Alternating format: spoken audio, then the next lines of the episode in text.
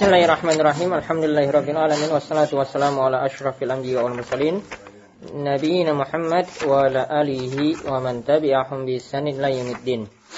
Jadi kita melanjutkan pembahasan kita pada pagi hari ini, melanjutkan pembahasan kita pada malam hari kemarin. Kita tadi malam telah sampai pada pembahasan sihir ya.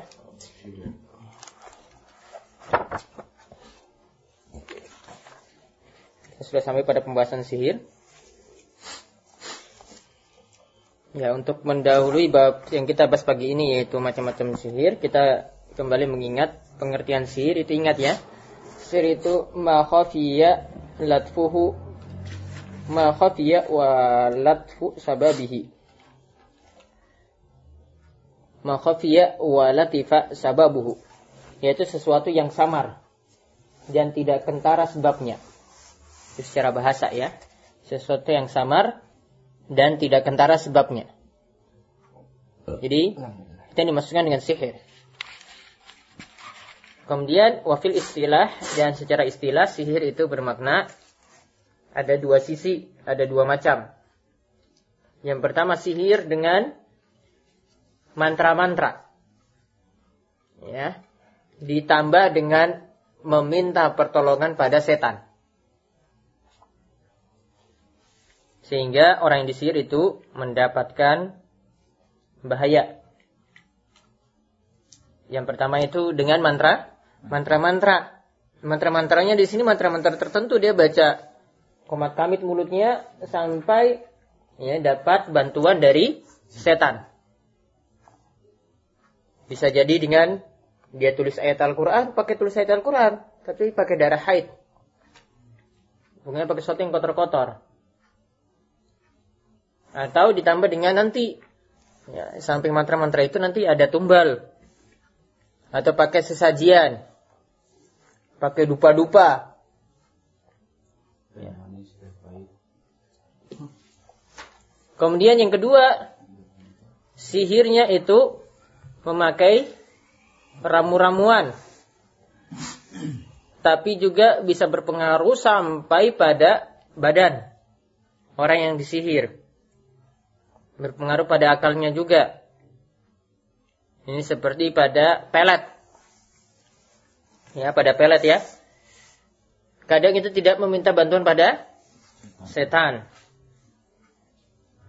Itu ada kan nggak bantuan pada setan, tapi ini pelet punya pakai itu, ya bisa kena sihir. Nanti oh, misalnya istri makin cinta pada suami lengket kayak perangko. Ya. Itu suami juga cinta pada istri atau malah membuat rumah rumah tangga mereka itu retak. Kemudian kemarin sudah jelaskan juga ada dua macam sihir, ada yang hakiki, ada yang khoyali ya. Ada hakiki yang khoyali. Jadi alusunah itu merinci jadi dua seperti ini. Ada yang hakiki ya, tidak seperti Mu'tazilah. Mereka katakan bahwasanya sihir itu semua khoyali, jadi hanya uh, pandangan mata saja yang ditipu seperti yang terjadi pada sihir yang terjadi pada Musa ketika disirah oleh tukang-tukang sir Fir'aun yukhayyalu ilaihi min sihrim annaha tas'a.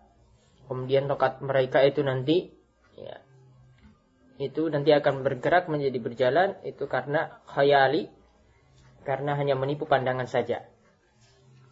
Terus kemarin tentang kafirnya tukang sihir itu para ulama berselisih pendapat ya yang lebih tepat dalam masalah ini adalah pendapat Imam Syafi'i yaitu merinci jika tukang sihirnya itu meminta bantuan pada setan maka kafir. Kemudian yang kedua jika hanya menggunakan ramu-ramuan sampai berpengaruh kepada orang yang disihir, badannya sakit dan seterusnya, ini termasuk dosa besar. Terus kemarin kalau pendapat semua bin Abdul Wahab, tukang sihir itu harus dibunuh. tidak minta tobat. Tanpa minta tobat tanpa minta tobat. Harus dibunuh terserah dia pakai ramu-ramuan mau pakai bantuan setan, pokoknya dibunuh. Kemudian Nah, nanti yang kita bahas kali ini tentang macam-macam sihir.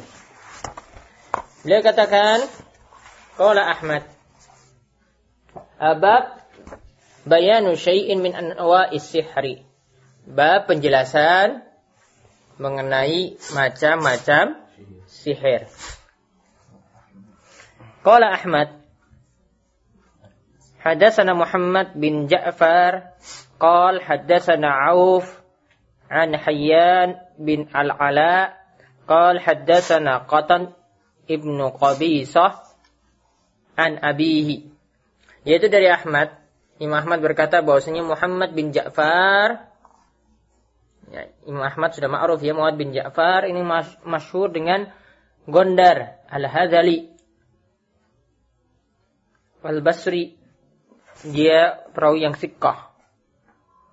Muhammad bin Ja'far kemudian haddatsana Auf bin Hayyan. Yani Auf di sini adalah Ibnu Abi Jamilah yang terkenal dengan dengan Auf Al-A'rabi. Dia juga sik sikkah. Kemudian haddatsana Qatan bin Qabisah. Yaitu dari Qatan bin Qabisah. An abihi dari ayahnya. Yaitu ayahnya di sini adalah Qabisa bin Al-Makharik Al-Hilali. Adalah sahabat yang masyhur. Jadi ayahnya Qabisa ini adalah ayahnya Qatan yaitu Qabisa ini sahabat yang masyhur. Kemudian anna usamiyan Nabi SAW bahwasanya dia mendengar Nabi SAW innal iyafah bahwasanya iyafah wa tarak wa tarka wa tiyarata minal jibti bahwasanya ada iyafah, ada yang namanya iyafah. Nanti akan jelaskan apa itu iyafah di bawah. Kemudian ada yang namanya tarak. Watiyarah. Tiarah itu beranggapan sial. Nanti akan kita bahas nanti pada bab setelah ini. Tatayur. Tatayur ya, beranggapan sial. Nanti ada bahasnya. Ini semua termasuk jibit. Kemarin jibti, kemarin kita sudah bahas ada perkataan Umar ya kan? Jipti itu maknanya apa? Sihir. Ya, dia maknanya sihir. Nah, ini di antara jenis-jenisnya.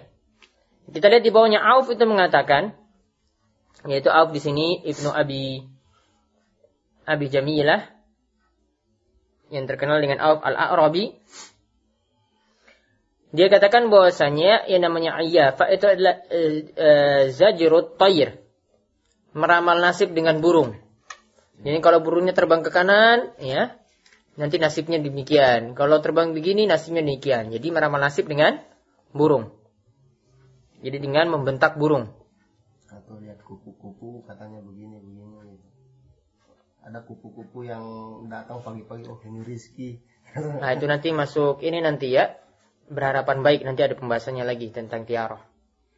Ada yang beranggap ber, uh, uh, Anggap sial. Beranggap sial ini beranggap baik ada. Lihat orang buta oh ini siap itu kakak saya tuh lihat orang buta udah nggak mau kerja nih kemudian watorku tarak tadi yang dikatakan tarak yang juga termasuk jibit ini adalah al khattu yukhattu bil art yaitu meramal dengan khat garis. Yaitu bil art di tanah ya kalau mungkin kita pakai garis di tangan kan ramal kan hmm. nasibmu gini nah ini pakai garis di tanah. Ya. Kemudian wal jibtu ya, jibt kata qala al Hasan yaitu Hasan al Basri tabi'in ya. Hasan al Basri tabi'in. Hasan al Basri katakan namanya jibit itu adalah ronatus syaitan, suaranya setan. Isnaduhu jayyid, sanatnya jayyid.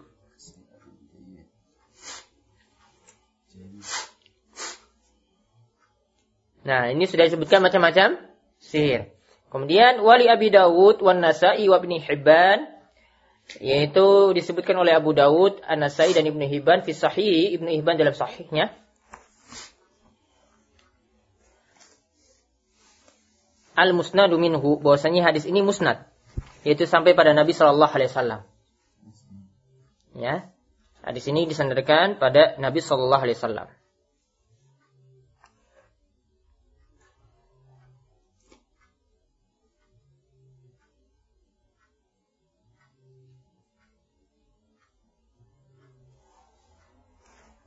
Kemudian an Ibn Abbas dari Ibn Abbas radhiyallahu anhu qal ia berkata Kalau Rasulullah sallallahu alaihi wasallam Rasulullah SAW itu bersabda, ya, "Man iktabasa syu'batan minan nujumi faqad iktabasa syu'batan minas sihr." Wa zada ma zada. Dari Ibnu Abbas. Ya, barang siapa ini dia mengatakan radhiyallahu anhu mengatakan ya bahwasanya Rasulullah SAW itu bersabda barang siapa iktabasa mempelajari syu'batan. Syu'batan yaitu bagian. Minan nujum. Dari dari ilmu nujum.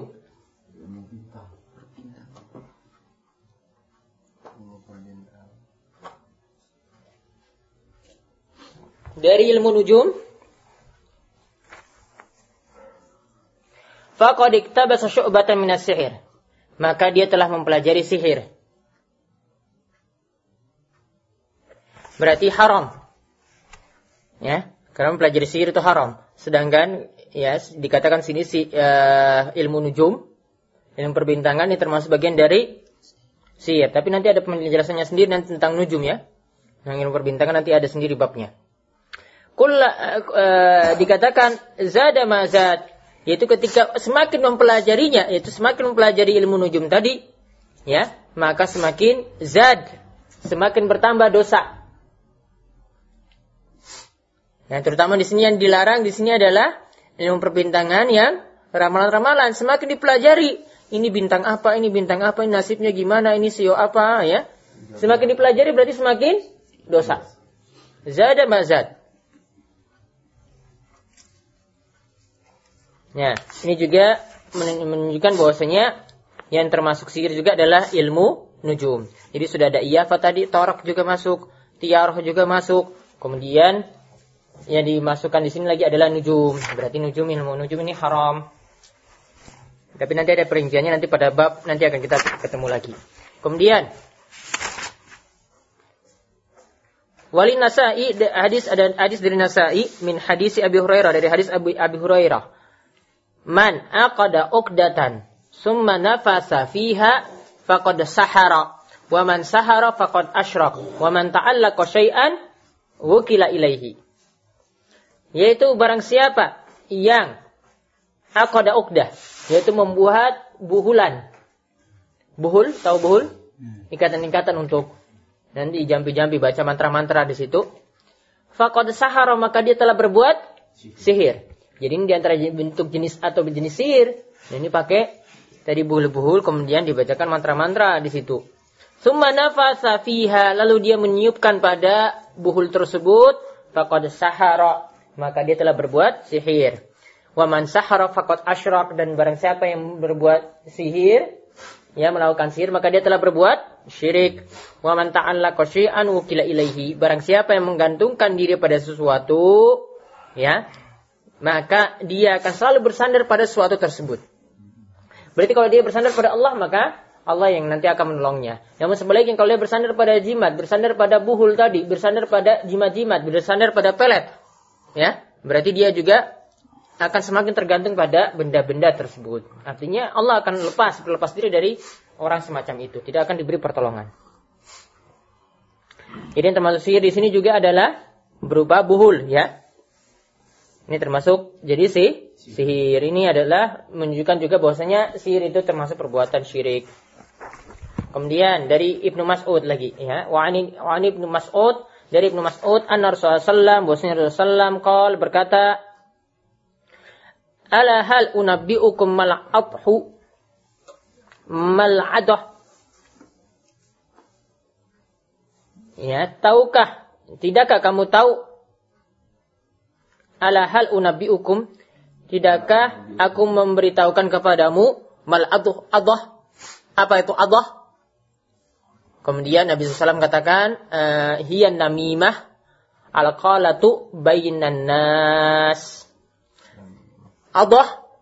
Ya, ini karena ini jelaskan jenis sihir ya. Maka masih ada kaitannya ini termasuk jenis sihir. Allah itu apa? Kata Nabi SAW, Allah itu adalah namimah. Namimah itu maksudnya adalah menghasut. si mengasut orang lain sehingga timbul perpecahan atau para ulama katakan namanya namimah itu adalah naklul hadis ala wajhil ifsad menukil perkataan orang lain dengan tujuan menimbulkan kerusakan. Jadi adu domba. Si A katakan demikian bahwa pada si B, ini si B, ini si A ini mengatakan ke kamu tuh kayak gini gini gini gini ini. Ini namanya apa?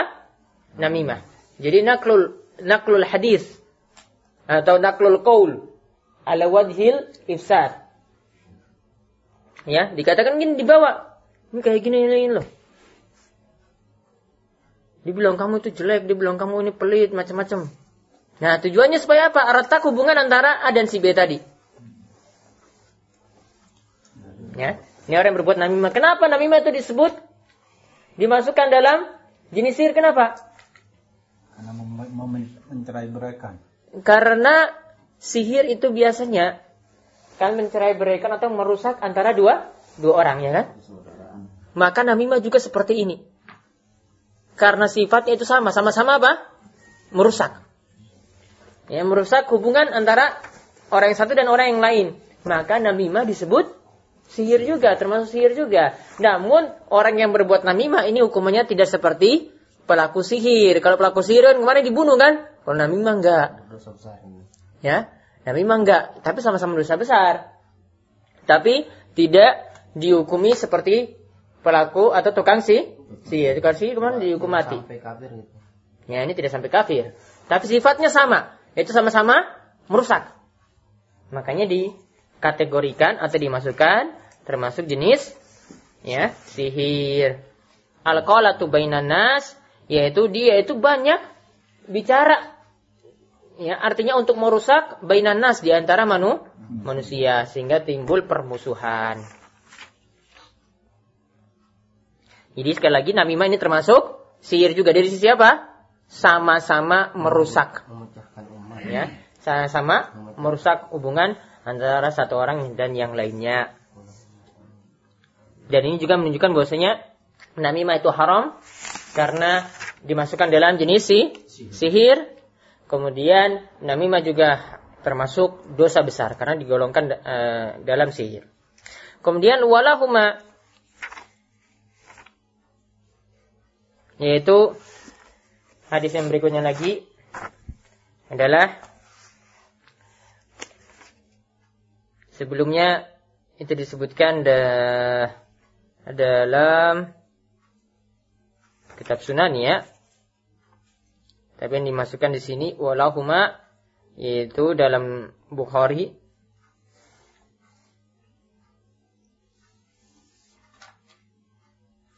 juga nanti ada dalam Malik Muwatta Malik dalam Muwatta'nya Abu Daud juga dan Tirmizi juga dan yang lainnya yaitu bahwasanya Ibnu Umar radhiyallahu anhu Ibnu Umar radhiyallahu anhu itu mengatakan anna Rasulullah SAW kal bahwasanya Nabi SAW itu bersabda inna minal bayani la sihra sesungguhnya al bayan yaitu ilmu balaghah ilmu balaghah itu menggunakan kata-kata atau ungkapan-ungkapan yang indah ya Tata bahasa. Syair.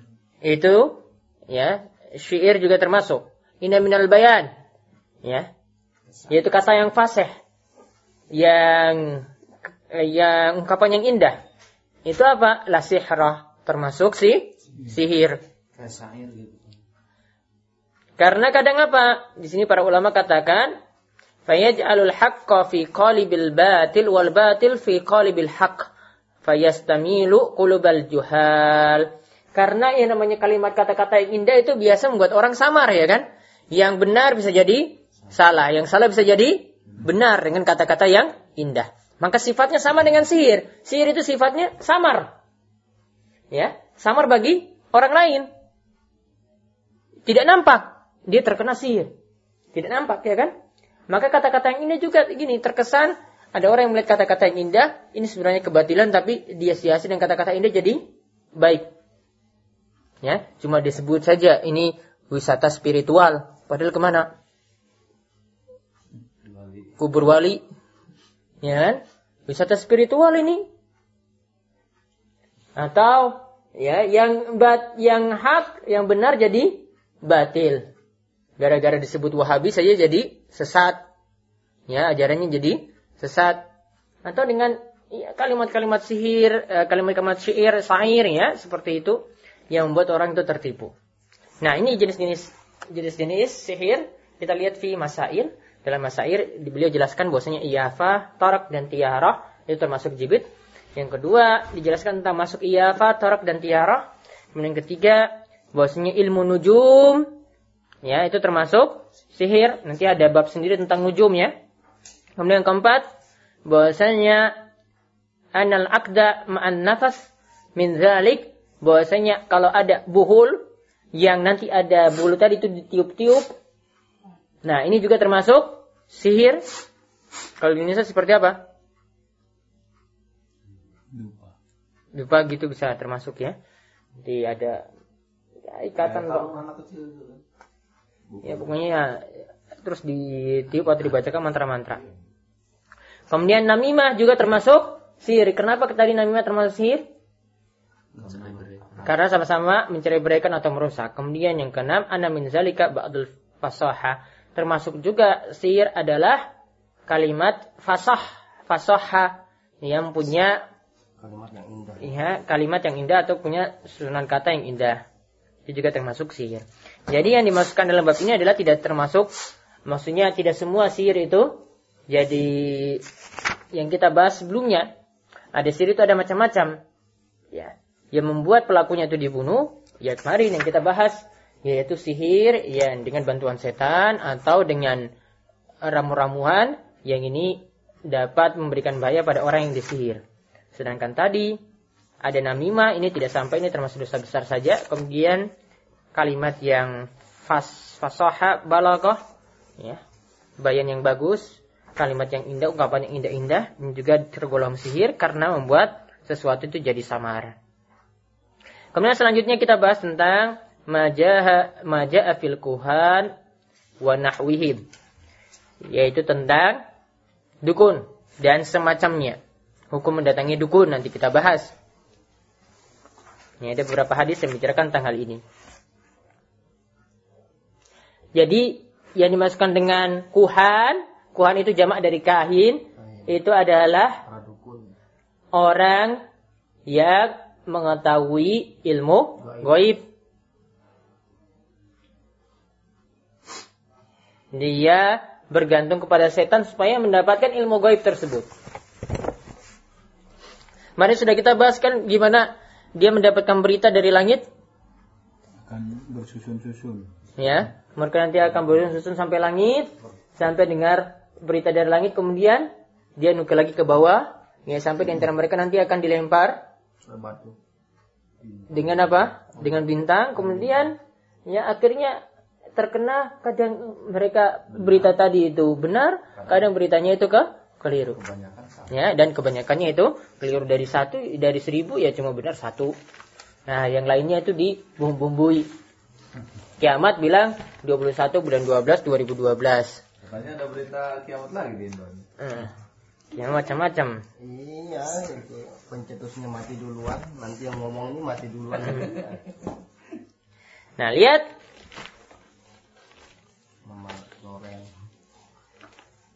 Karena mereka karena yang namanya kahin, dukun itu mengakui ilmu gaib, padahal ilmu gaib itu menjadi kekhususan Allah Subhanahu wa taala. Ya, itu menjadi kekhususan Allah Subhanahu wa taala. Jadi kalau ada orang yang mengklaim ilmu gaib, ya, dia mengetahui suatu perkara yang gaib akan datang, ya, atau sesuatu yang cuma Allah Subhanahu wa taala saja yang tahu, maka berarti dia telah menjadi sekutu bagi Allah Subhanahu wa taala. Nah, kita lihat beberapa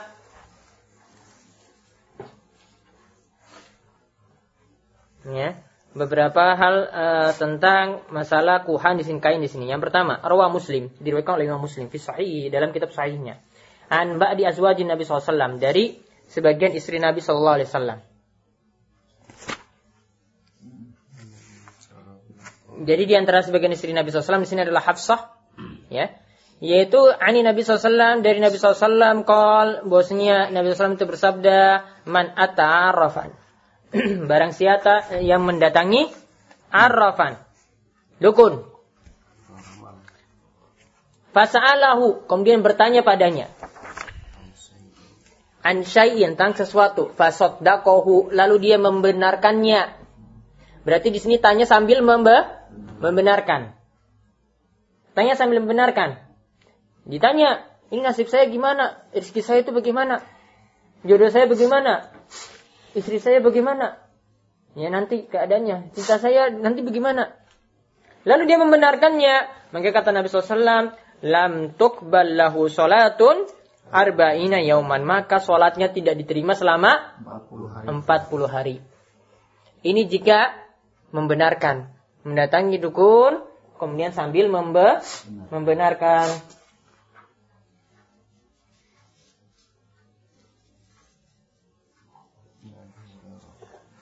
Kemudian yang kedua, nanti baru kita simpulkan gimana hukum mendatangi dukun nanti terakhir kita lihat hadis-hadis yang ada dulu.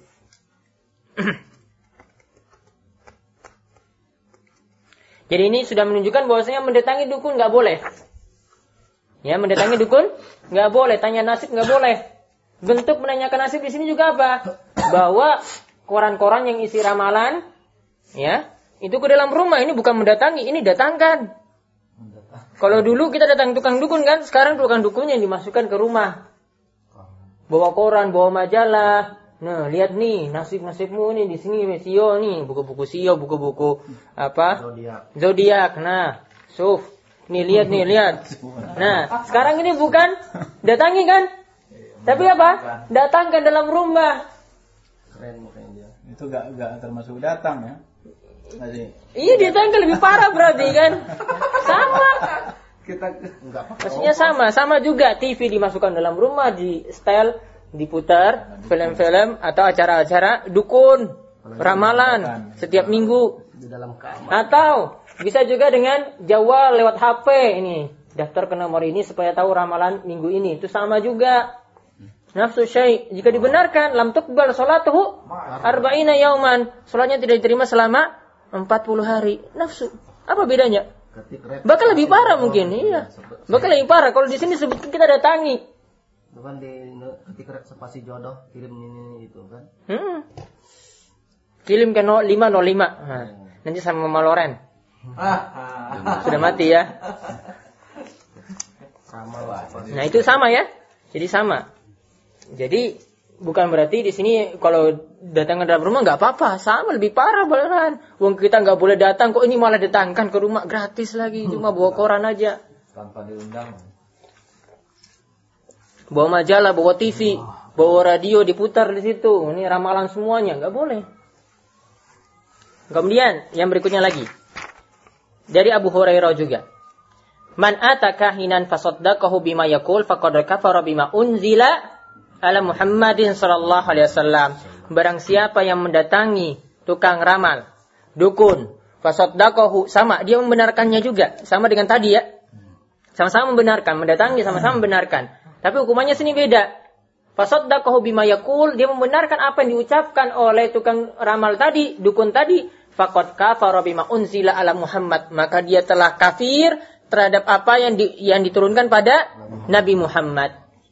Kafir pada Al-Quran berarti ya. Ya, dia telah kufur pada Al-Quran. Karena Al-Quran menegaskan bahwasanya mengetahui ilmu gaib itu hanya Allah.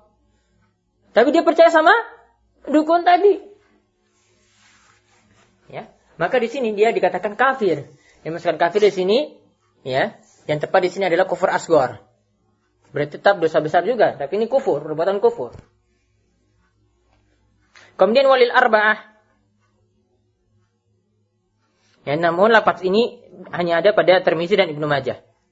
Arba itu kitab sunan ya. Ibnu Majah, Abi Daud, Tirmizi, Nasai. Kitab sunan kan? Empat. Kalau Al-Hakim itu Al-Hakim enggak, enggak masuk kitab sunan. Kitab sunan itu empat. Kitab sunan ini biasanya eh, terdiri dari bab-bab fikih saja. Fikih saja di dalamnya. Ya, Tirmizi, Abu Daud, An-Nasai, Ibnu Majah ini fikih saja. Kalau Bukhari sama Muslim itu lebih dari fikih. Ada akidah dalamnya, ada halak dalamnya, ada tafsir dalamnya. Tapi kalau empat kitab sunan ini hanya fi fikih. Tapi kalau Tirmizi itu lebih luas lagi, dia itu jami. Nah, dan juga ditambahkan dengan Al-Hakim. Waqal, ya. Ia berkata, eh, sahih ala syartihima. Bahwasanya hadis ini sahih eh, sesuai dengan syarat Bukhari dan Muslim. An Abi Hurairah, dari Abu Hurairah. Nah, ini juga dikatakan hampir sama dengan hadis di atas. Man ata'arrafan, barang siapa mendatangi arraf. Ya. Barang siapa mendatangi arraf. Nanti akan di Oh iya, nanti akan dijelaskan tentang perkataan arraf itu apa, nanti akan dijelaskan di akhir ya. Barang siapa yang mendatangi dukun atau tukang ramal, au kahinan. Ini istilah nanti akan dijelaskan ya, hampir sama. Arafan au kahinan, fasaddaqahu, kemudian dia membenarkannya. Bima yakul terhadap apa yang diucapkan. Faqad kafara bima unzila ala Muhammad sallallahu alaihi wasallam. Dia maka dia telah kufur terhadap apa yang diturunkan kepada Nabi Muhammad SAW yaitu Al-Quran. Kufur asgar. Wali Abi Ya'la bisanadin jayyid dan juga terdapat dalam Abi Ya'la ya, dalam Musnad Abi Ya'la dengan sanad yang jayyid yang bagus. An Ibnu Mas'ud dari Ibnu Mas'ud misluhu e, juga sama misalnya tadi dari Abu Hurairah dan dari Ibnu Mas'ud. Namun hadisnya itu maukufan. Maukufan apa kemarin? Sampai Sampai sahabat. Marfu maukuf maktu ya. Sampai sahabat. Maktu tabi'in. Karena Ibnu Mas'ud sahabat, jadi hadisnya cuma sampai Ibnu Mas'ud saja, jadi artinya perkataan Ibnu Mas'ud. Kemudian dari Imran bin Husain, marfu'an, secara marfu, berarti sampai Nabi. Laisa minna man tatayyara aw tutayyira lahu aw takahana aw tukuhina lahu aw sahara aw suhira lahu.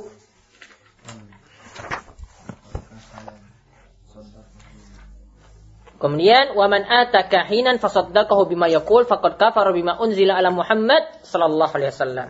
Di sini dalam hadis Imran bin Husain tadi dari Abu Hurairah ada, dari Ibnu Mas'ud ada, kemudian dari Imran bin Husain juga dengan lafaz yang hampir sama di akhirnya ya. Tapi hadis ini diriwayatkan oleh Rawahul Al-Bazzar bi isnadin jayyid. Diriwayatkan oleh Al-Bazzar dengan sanad yang jayyid. Ya, laisa minna. Laisa minna artinya apa? Tidak termasuk golongan kami. Berarti ini dosa besar.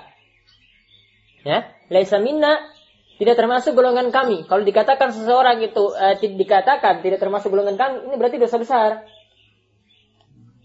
Ya, tidak termasuk golongan kami man tatayyara yang melakukan tiarah, anggapan sial. Kalau ketemu bulan suro, nggak boleh lakukan hajatan, bahaya. Kalau lewat jalan ini, ya sial lagi, bahaya. Safar, Kalau tadi apa contohnya? lihat orang buta. Lihat orang buta mau pergi kerja gitu pas lihat orang buta nggak mau lagi pergi kerja sama dulu tuh dengan burung dia pilih kalau oh burungnya terbang ke kanan berarti ah, ini ini ini nasib baik ya Mengundi dengan anak panah. mengundi dengan anak panah juga atau hitung kancing juga pas kancingnya berapa? Ini angka berapa? Kancingnya berapa? Oh ini bagus ini saya jalan. Pokoknya dengan sesuatu yang tidak tidak nyambung lah. Apa kaitannya? Coba burung dengan nasib baik. Ada kaitannya? Nggak ada.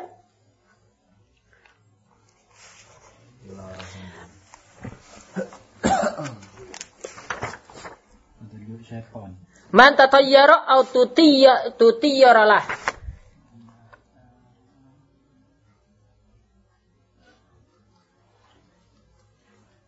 Yaitu dia memerintahkan pada orang yang dianggap sial.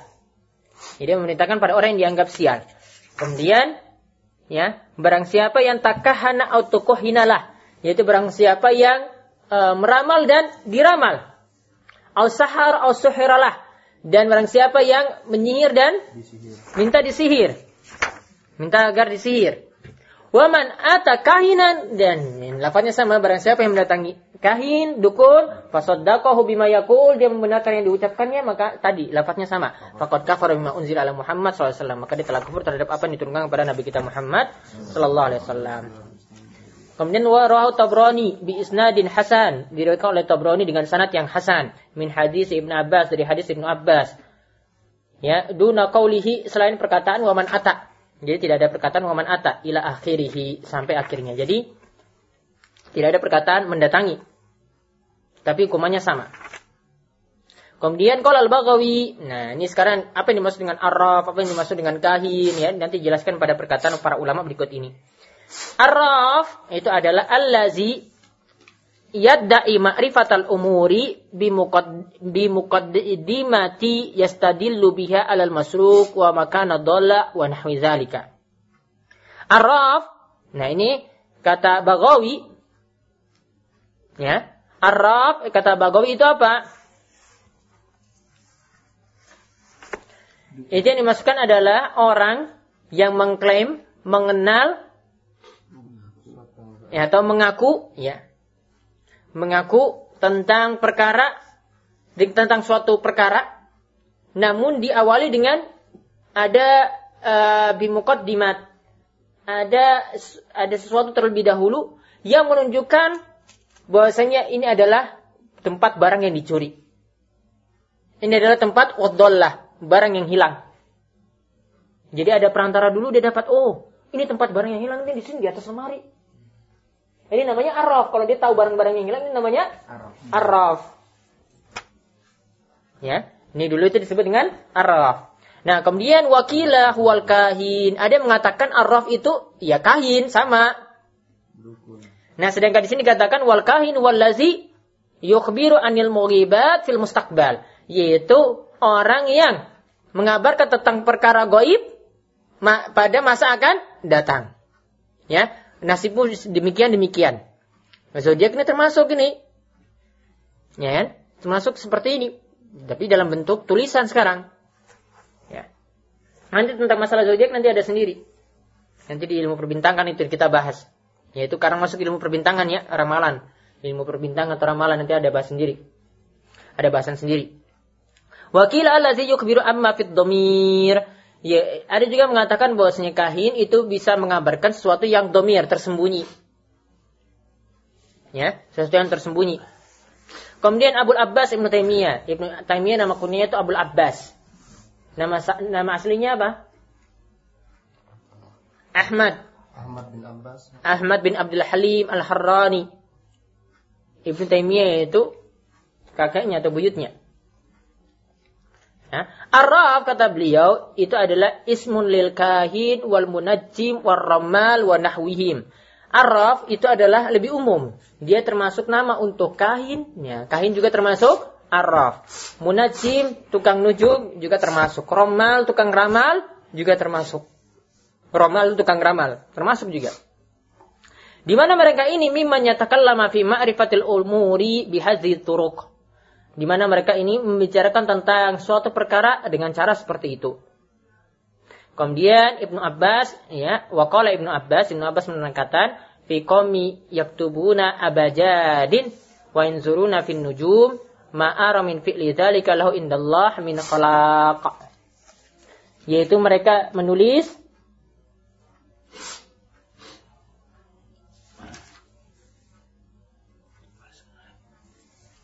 ya Ibn Abbas mengatakan untuk kaum yang menulis dengan abjad. Abjad tahu abjad ya? ya? Ini model huruf yang ini ya, tulisannya itu bagus. Nah, ini kata beliau dan ini untuk untuk uh, jadi abjad di sini adalah model huruf yang bagus untuk mengajarkan ilmu gaib. Ya, untuk mengajarkan ilmu gaib. Jadi ada model huruf seperti ini.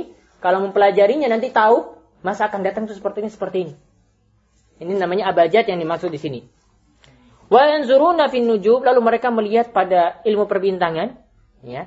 Kemudian Ibnu Abbas mengatakan ma'aroman fa'ala zalika ya, aku menganggap ya orang yang melakukan seperti ini lahu indallah ya Aku tidaklah menganggap orang seperti ini kecuali dia pada sisi Allah adalah orang yang indallah min khalaq tidak mendapatkan satu bagian pun.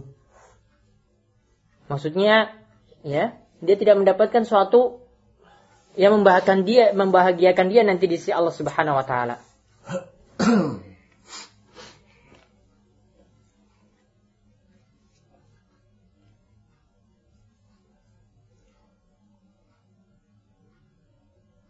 Jadi orang yang mempelajari ilmu semacam ini, ini dulu seperti mempelajari abajad di sini ya, maka dia nanti di sisi Allah tidak akan mendapatkan bagian apa-apa, artinya tidak ada kebaikan sama sekali.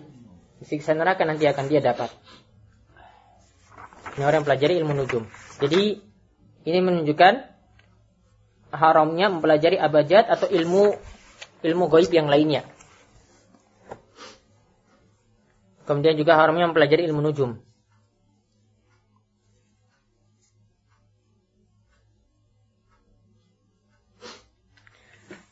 Nah, lihat fi masail, masail tentang yang kita faedah yang kita dapat dari bab ini. La yastad la yastami tasdiq al-kahin mal iman bil Quran. Tidak mungkin ya.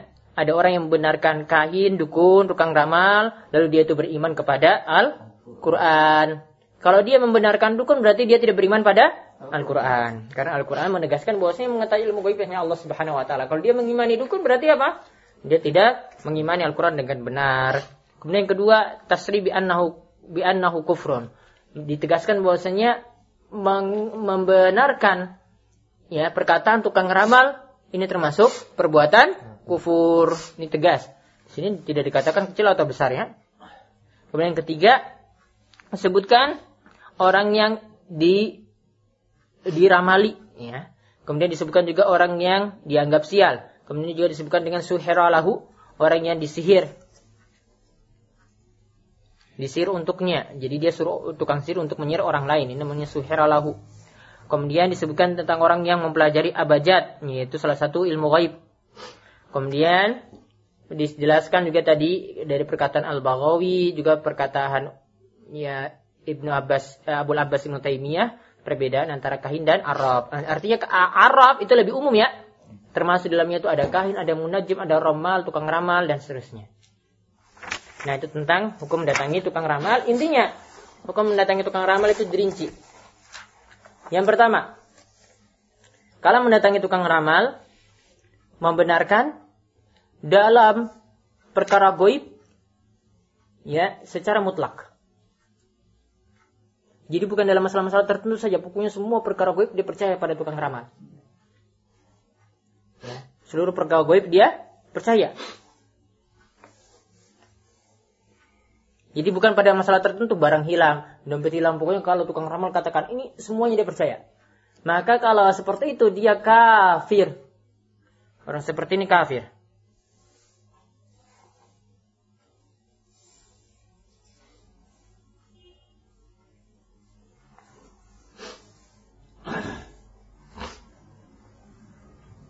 Karena dia sama saja mengakui bahwasanya tukang sihir, sihir eh, tukang ramal inilah yang mengetahui segala perkara gaib.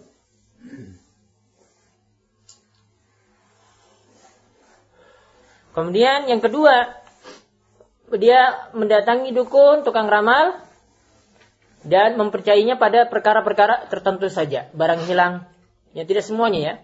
Kiamat datang, jodohnya akan datang, tidak semuanya. Dia masih meyakini Allah yang mengetahui perkara gaib. Maka kalau seperti ini, dia dapat dua hukuman.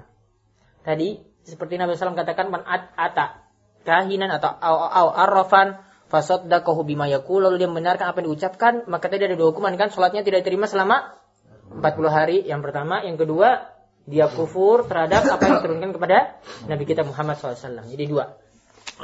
Kemudian yang ketiga cuma sekedar mendatangi dukun tidak membenarkan Main-main aja. Hmm, putar televisi nah gitu. Bawa korannya tadi, isi ramalan tadi, baca, nggak percaya.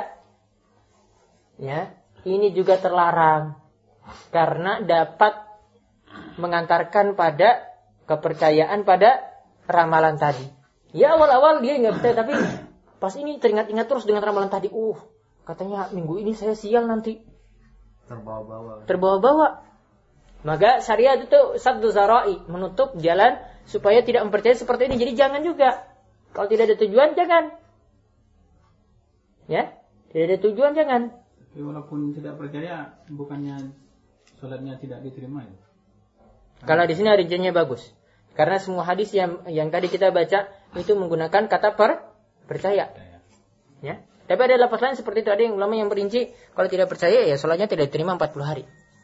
Tapi kalau di sini ada penjelasan dari Syekh Khalid Al-Musyaiki, muridnya Suhaimi, dia bilang tidak.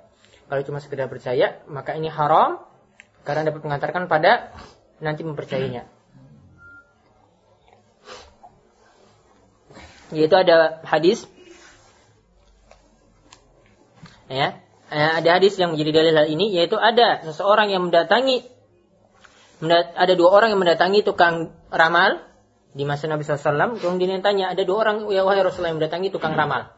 Kalau Rasulullah SAW kemudian Rasulullah SAW katakan fala ta'tihim jangan mendatangi mereka. Ya, jangan mendatangi mereka. Jadi dikatakan jangan mendatangi ini haram. Kalau sampai percaya tadi hukumannya tidak diterima sholatnya 40 hari ya dan kufur terhadap apa yang diturunkan kepada Nabi kita Muhammad wasallam.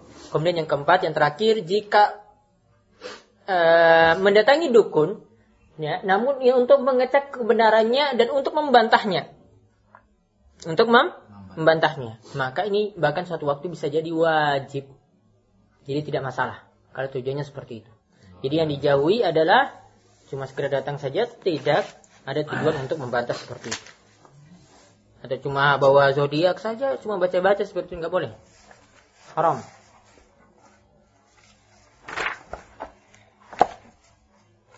Nah, sekarang kita bahas nusrah. Bab berikut. Bab maja'a fin nusrah.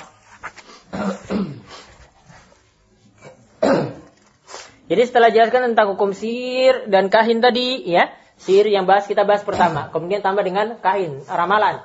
Kalau sihir kan menyakiti orang lain kan, ya, dengan mantra-mantranya atau dengan ramuan-ramuannya untuk menyakiti orang lain. Kalau kahin tadi tentang ramalan, itu sudah kita bahas. Nah, lalu beliau sebutkan tentang masalah nusrah.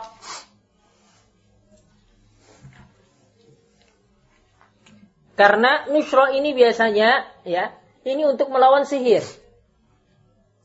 Tapi sihir dilawan dengan Sihir. sihir. Nah, ini dia. Jadi mana yang wah ini dukun yang paling kuat ini. Ini dia sudah apa? Sudah santet. Si ini dilawan lagi dengan sihir lagi.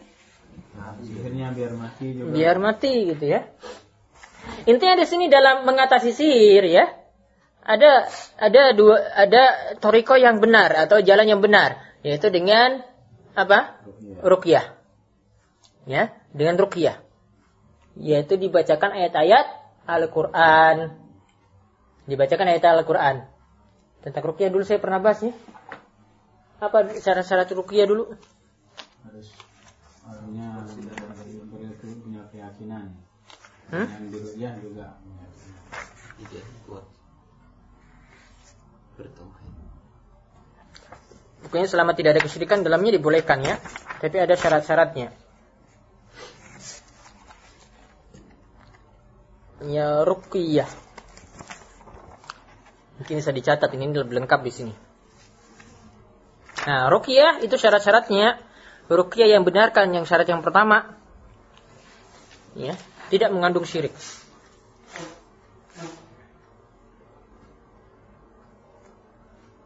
tidak mengandung syirik. Ini ada ada tujuh syarat nanti ya. Jadi kalau sudah ada bentuk kesyirikan misalnya suruh kasih tumbal. Ya, pakai ayat Al-Qur'an tapi ada tumbal dulu. Boleh nggak? Tidak boleh. Kemudian yang kedua. Yang kedua, ruqyah tidak berpengaruh dengan sendirinya namun dengan pertolongan Allah. Jadi rukyah itu tidak berpengaruh sendiri. Kalau Allah tidak memberi pertolongannya tidak bisa berpengaruh.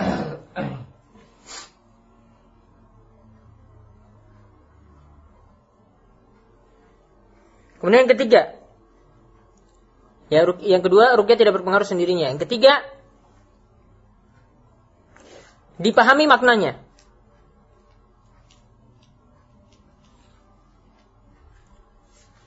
dipahami maknanya.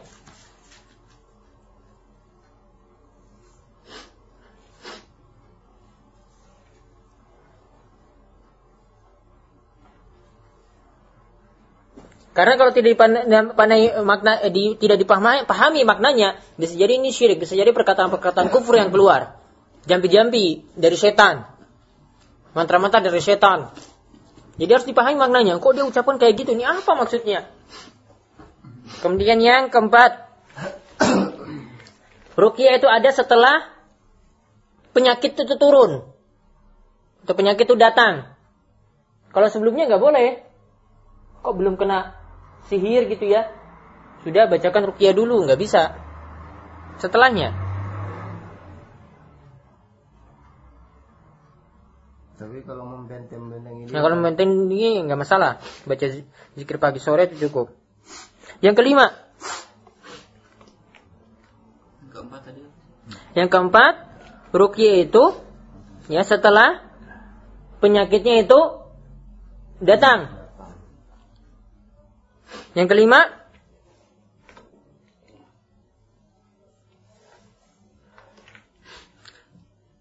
ruqyah tidak diminta dari tukang ramal, eh, tidak diminta dari dukun.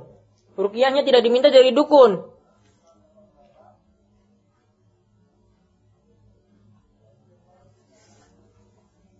Jadi dia kalau ini sudah tahu ini dukun yang biasanya ini ya baca mantra-mantra dia minta rukyah dari situ. Ini eh, dukunnya yang kasih ini nggak boleh. Walaupun dikasih ayat-ayat gitu dan campur-campur sedikit dengan bahasa Jawa dengan komat kamit lagi gitu baca ini baca itu nggak boleh. Kemudian yang keenam, nah ini penting. Tidak ada ritual yang diharamkan dalam rukyah.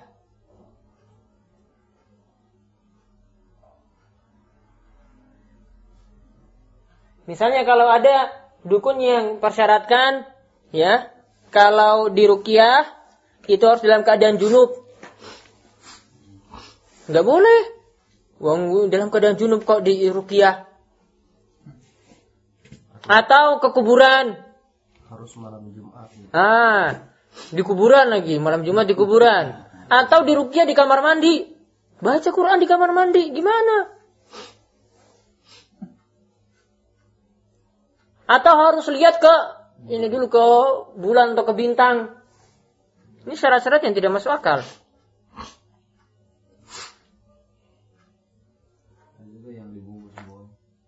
Kemudian yang ketujuh,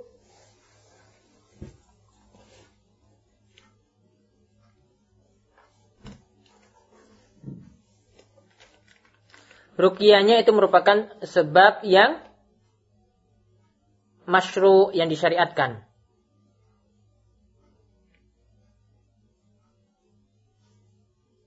Jadi eh, itu adalah amalan yang ada tuntunan gitu aja. Rukiahnya itu adalah amalan yang ada tuntunan. Kalau dia buat bid'ah, misalnya rukiahnya disuruh pakai zikir jamaah dulu, nanti baru ya rukiahnya itu datang, baru ampuh. Pakai zikir jamaah dulu, jamaah dikumpulkan banyak. Ini nggak boleh. Zikir jamaah ada tuntunan nggak? Nggak ada. Kalau pakai rukiah dengan itu baca zikir bareng-bareng la ilaha illallah dulu. Nah ini baru si A ini yang sakitnya disembuhkan. Nah ini nggak boleh. Harus dengan sesuatu yang masyru, ada tuntunannya. Dari juga misalnya rukiahnya harus malam Jumat, pakai kliwon lagi. Nah, Nabi kenal kliwon apa? Nggak boleh.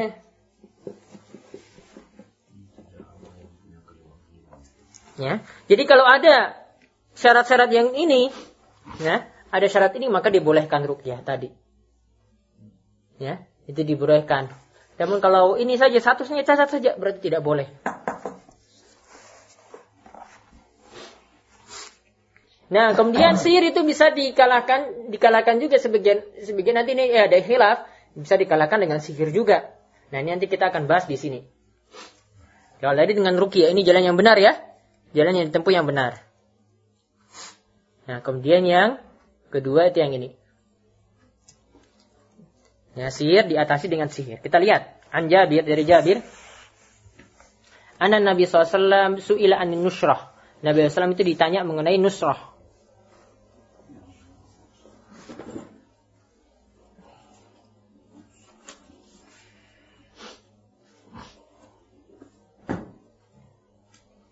Nah, dengan nusrah ini biasanya kalau ada orang yang kena penyakit atau kena sihir itu sembuh.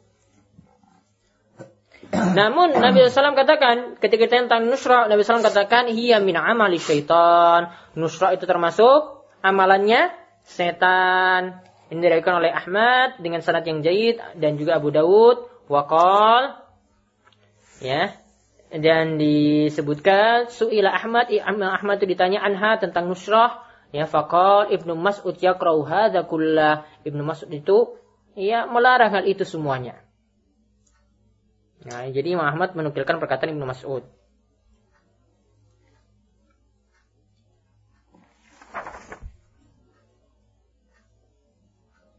Jadi nusrah ini adalah pengobatan di ja- jahiliyah. Kalau ada orang yang terkena sihir, diobati dengan nusrah. Maka ketika Nabi SAW ditanyakan tentang nusrah, bahwasanya nusrah itu adalah amalan syaitan atau perantara syaitan.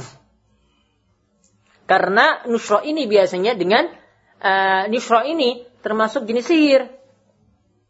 Dan biasa meminta pertolongan pada setan. Jadi sihir dikalahkan dengan sihir. Setan dikalahkan dengan setan.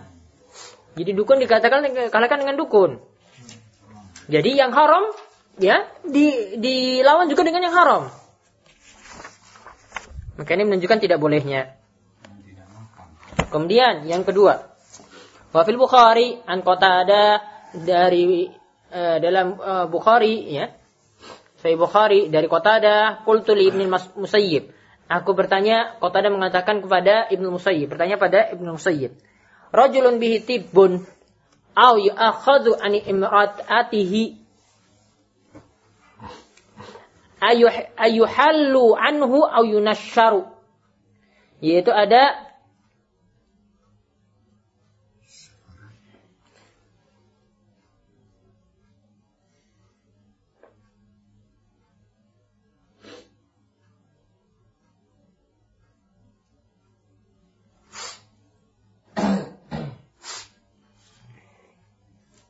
Ada seorang yang dia itu ya disihir. Sampai-sampai apa? Yu'akhadhu an imra'atihi. Dia tidak bisa menyetubuhi istrinya. Ya. Dia tidak bisa menye menyetubuhi istrinya. Ada pernah kejadian semoga kayak gitu. Nah, kemudian ayuhallu apakah, apakah dia itu diobati? Ayunasyaru apakah dia itu diatasi dengan nasyar, dengan nusrah. Kemudian Ibnu Musayyib katakan la ba'sa bihi innama yuriduna bihil islah fa amma ma yanfa'u falam yunha anhu. Ya, kalau Ibnu Musayyib menganggap nusrah itu enggak apa-apa. Ini katakan la ba'sa bihi. Ya, Tidak masalah. tidak masalah. Karena itu untuk berbuat islah supaya istrinya tadi bisa disetubuhi lagi. Jadi ada kalau ada sesuatu yang manfaat maka tidak dilarang. Kemudian jadi di sini ada khilaf ya. Kalau Ibnu Musayyib membolehkannya. Kemudian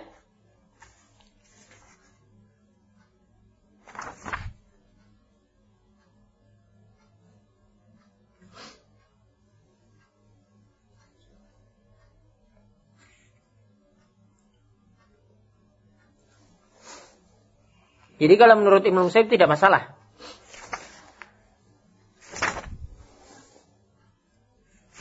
Namun lihat di bawahnya lagi waruya anil Hasan diriwayatkan dari Hasan yaitu Al Hasan Al Basri ia katakan bahwasanya la yahilu sahar illa sahir.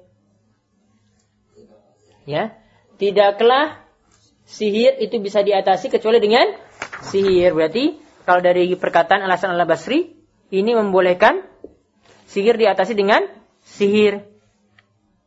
Jadi sihir diatasi dengan sihir yang semisalnya.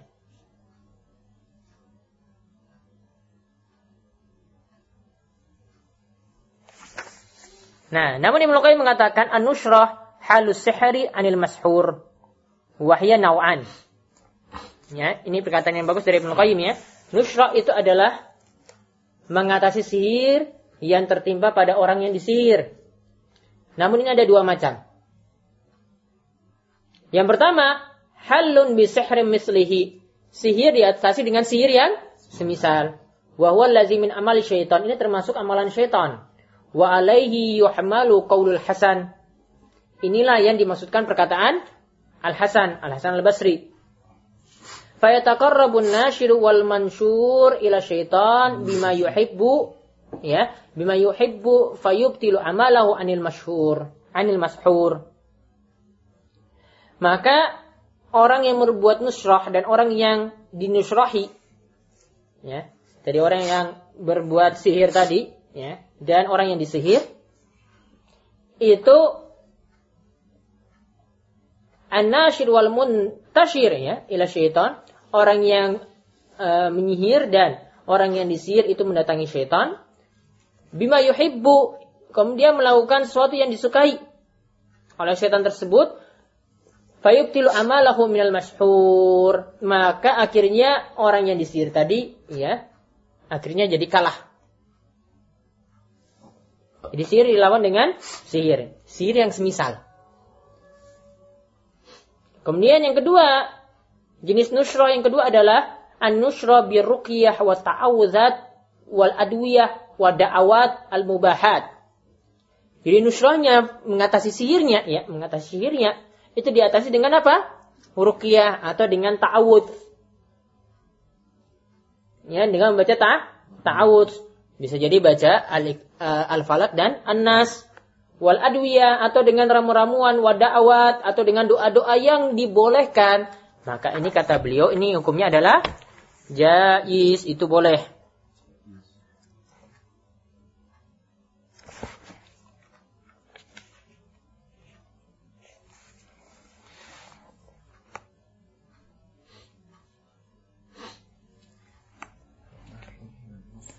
Jadi kesimpulannya yang tepat tentang masalah ini ya Apalagi kalau kita lihat tegas dari hadis Nabi SAW yang katakan bahwasanya nusrah mengatasi sihir, diga dengan sihir, ini dikatakan min amalish syaitan.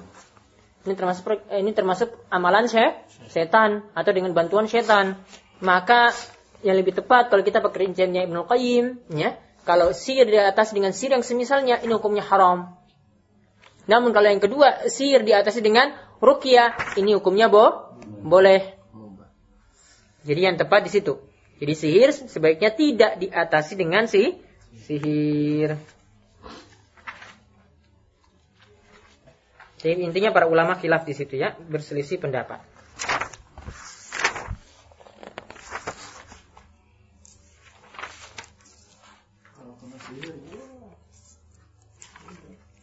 Dari dukun lagi. Lebih. Nah, nanti besok baru kita bahas tentang tatayur dan ilmu nujum. Karena kalau masih di kampung itu yang merukyah itu nggak ada juga. Jarang. Hanya dukun doang. Hmm. Nanti besok masih tentang tatayur ya. Masih ada seputar-seputar tentang inilah tadi. Yang sihir-sihir juga. Masih ada nyambung. Dan tadi juga sudah sebutkan tentang tatayur. Ada pertanyaan?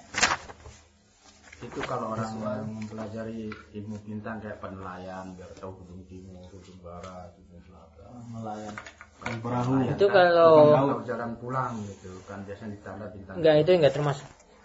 Itu enggak termasuk terlarang ya. Karena ada sudah terbukti gitu. Dilihat dengan bintang ini tahu. Contoh seperti bintang ini akan hujan gitu. Ah, ini akan Nah, hujan. kalau itu ada ada nyambungnya gitu. Ya. Berdasarkan pengalaman juga. Kan hujan sudah bintang. Nah, kalau yang dimaksud nanti ada ada perinciannya dalam ilmu perbintangan nanti akan kita bahas. Masih tersisa nanti dalam nujum. Ada lagi tuh Ustaz. Ketika anak kita masih kecil ya. Kita kita mau memisahkan dengan susu ibunya. ya. Itu Hmm. ada rukyah.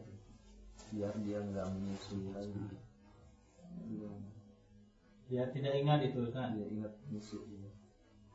Jadi pakai apa namanya itu Harusnya dijampi gitu. eh, Teraten. Ya. pen. Terus Pakai lontong di. termasuk sihir Ini. apa gimana itu seperti itu?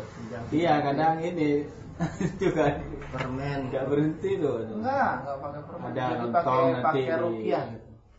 Di bawah di Di- makan di bawah tidurnya. Kalau di rumah itu makanya dijampi permennya itu nanti itu dikasih anak kecil itu. Jadi itu yang diingat makanan itu udah nggak diingat ini jadi lama-lama lama Dipalerkan kalau anak Sunda. harus dirinci nanti sebelumnya. Subhanakallahumma bihamdika asyhadu an la ilaha illa anta astaghfiruka wa atubu ilaik. Sallallahu ala nabiyyina Muhammad wa tempat Assalamualaikum warahmatullahi